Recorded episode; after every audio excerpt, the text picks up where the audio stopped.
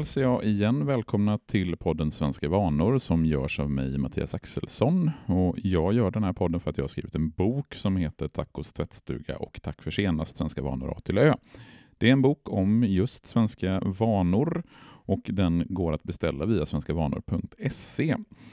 I dagens lilla korta avsnitt så tänker jag prata inte om Black Friday som infaller idag när den här podden kommer ut för det är en så pass ny tradition så den tänker jag överhuvudtaget inte beröra. Utan istället prata om någonting som vi har firat åtminstone lite längre i Sverige. Men kanske inte så länge som man skulle kunna tro, nämligen advent. Eh, första söndagen i advent infaller ju nu på söndag den första december. Det är inte alltid den första december utan att det är första december i år beror ju på att söndagen är just första december, för första advent är ju alltid en söndag. Och sen räknar man adventstiden från och med den första söndagen i advent till och med julafton. Så för, fjärde advent kan infalla på julafton men aldrig på juldagen. Och advent det betyder ju inte väntan som man skulle kunna tro utan ankomst. Och ankomsten som man går och förbereder, det är ju Jesus ankomst på juldagen, alltså Jesus födelse, som är den kristna orsaken till att vi firar jul. Eh, och Man skulle kunna då säga att adventstiden är just en förberedelsetid inför julfirandet. Tidigare så hade man en adventsfasta inför julen men eh, numera så är det ju snarare så att man använder adventstiden till att pynta hemma, man sätter upp adventsljusstakar, adventsstjärnor, kanske börjar lite med julpynt och liknande. Jag som är kanske personligen ganska konservativ när det kommer till traditioner, även om jag tycker att man ska få göra som man vill, tycker ju att eh, adventsljusstakar och adventsstjärnor och sånt inte ska sättas upp förrän den första advent, alltså på söndag. Möjligtvis så kan man göra det på kvällen, alltså på lördagskvällen om man vill.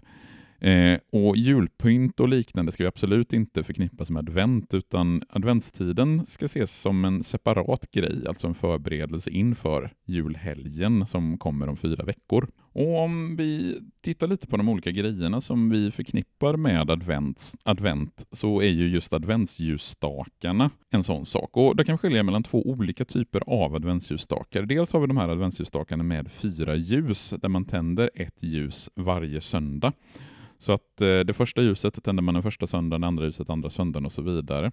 Och de adventsljusstakarna kom till Sverige i slutet på 1800-talet. Första gången som en adventsljusstake med fyra ljus omnämns det är 1896 och det är Nathan Söderblom som då jobbade inom Svenska kyrkan i Paris som har beskrivit hur han tänder ljus med fyra eller stakar med fyra ljus i adventstiden.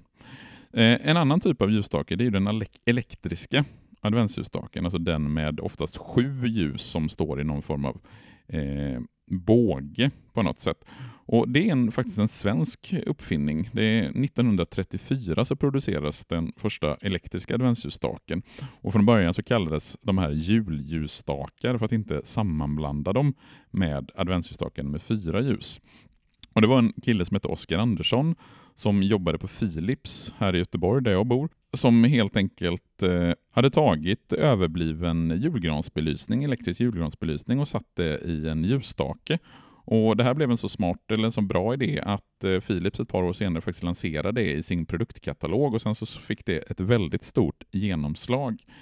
Eh, så adventsljusstakarna de har vi haft sedan slutet på 1800-talet, början på 1900-talet, på samma sätt som adventskalendrarna, eller julkalender som jag egentligen hellre vill kalla det, eftersom kalendrarna börjar första december, oftast då inte nödvändigtvis första advent, och det är kanske rimligare tycker jag att kalla det för en julkalender. Och Den julkalender som utan tvekan får störst uppmärksamhet numera, det är ju den julkalender som är på TV. Och sedan 1960 så har det varit en återkommande tradition att Sveriges Television har sänt en TV-julkalender. Och där har vi olika favoriter som till exempel Teskedsgumman, Trolltider, Sunes jul, Mysteriet på Greveholm och liknande. Eh, och sen så finns det givetvis andra eh, julkalender och adventskalender också, men den här från TV är ju den som är den stora och den som blir den stora snackisen varje år. Men jag är som sagt av den uppfattningen att eh, adventspyntet i form av adventsljusstakar, adventsstjärnor och liknande, det bör vänta till den här helgen som kommer nu, alltså under eh, söndagen, den första söndagen i advent, första december, eller möjligtvis kvällen innan. Och sen under kommande veckor fram till jul så är det tänkt helt enkelt att man ska förbereda sig inför julfirandet. Och I det gamla bondesamhället så var det till exempel att man bryggde julölen, man gjorde i ordning julbaket, man förberedde julmaten och liknande. Och I mer modern bemärkelse så kan man väl kanske tänka sig att, att adventstiden kan användas till att eh, förbereda julen på olika sätt genom att fixa mat, fixa julklappar och kanske komma i julstämning. Och under de kommande veckorna fram till jul så kommer jag i den här podden varje fredag att berätta lite kort om olika delar av det svenska julfirandet.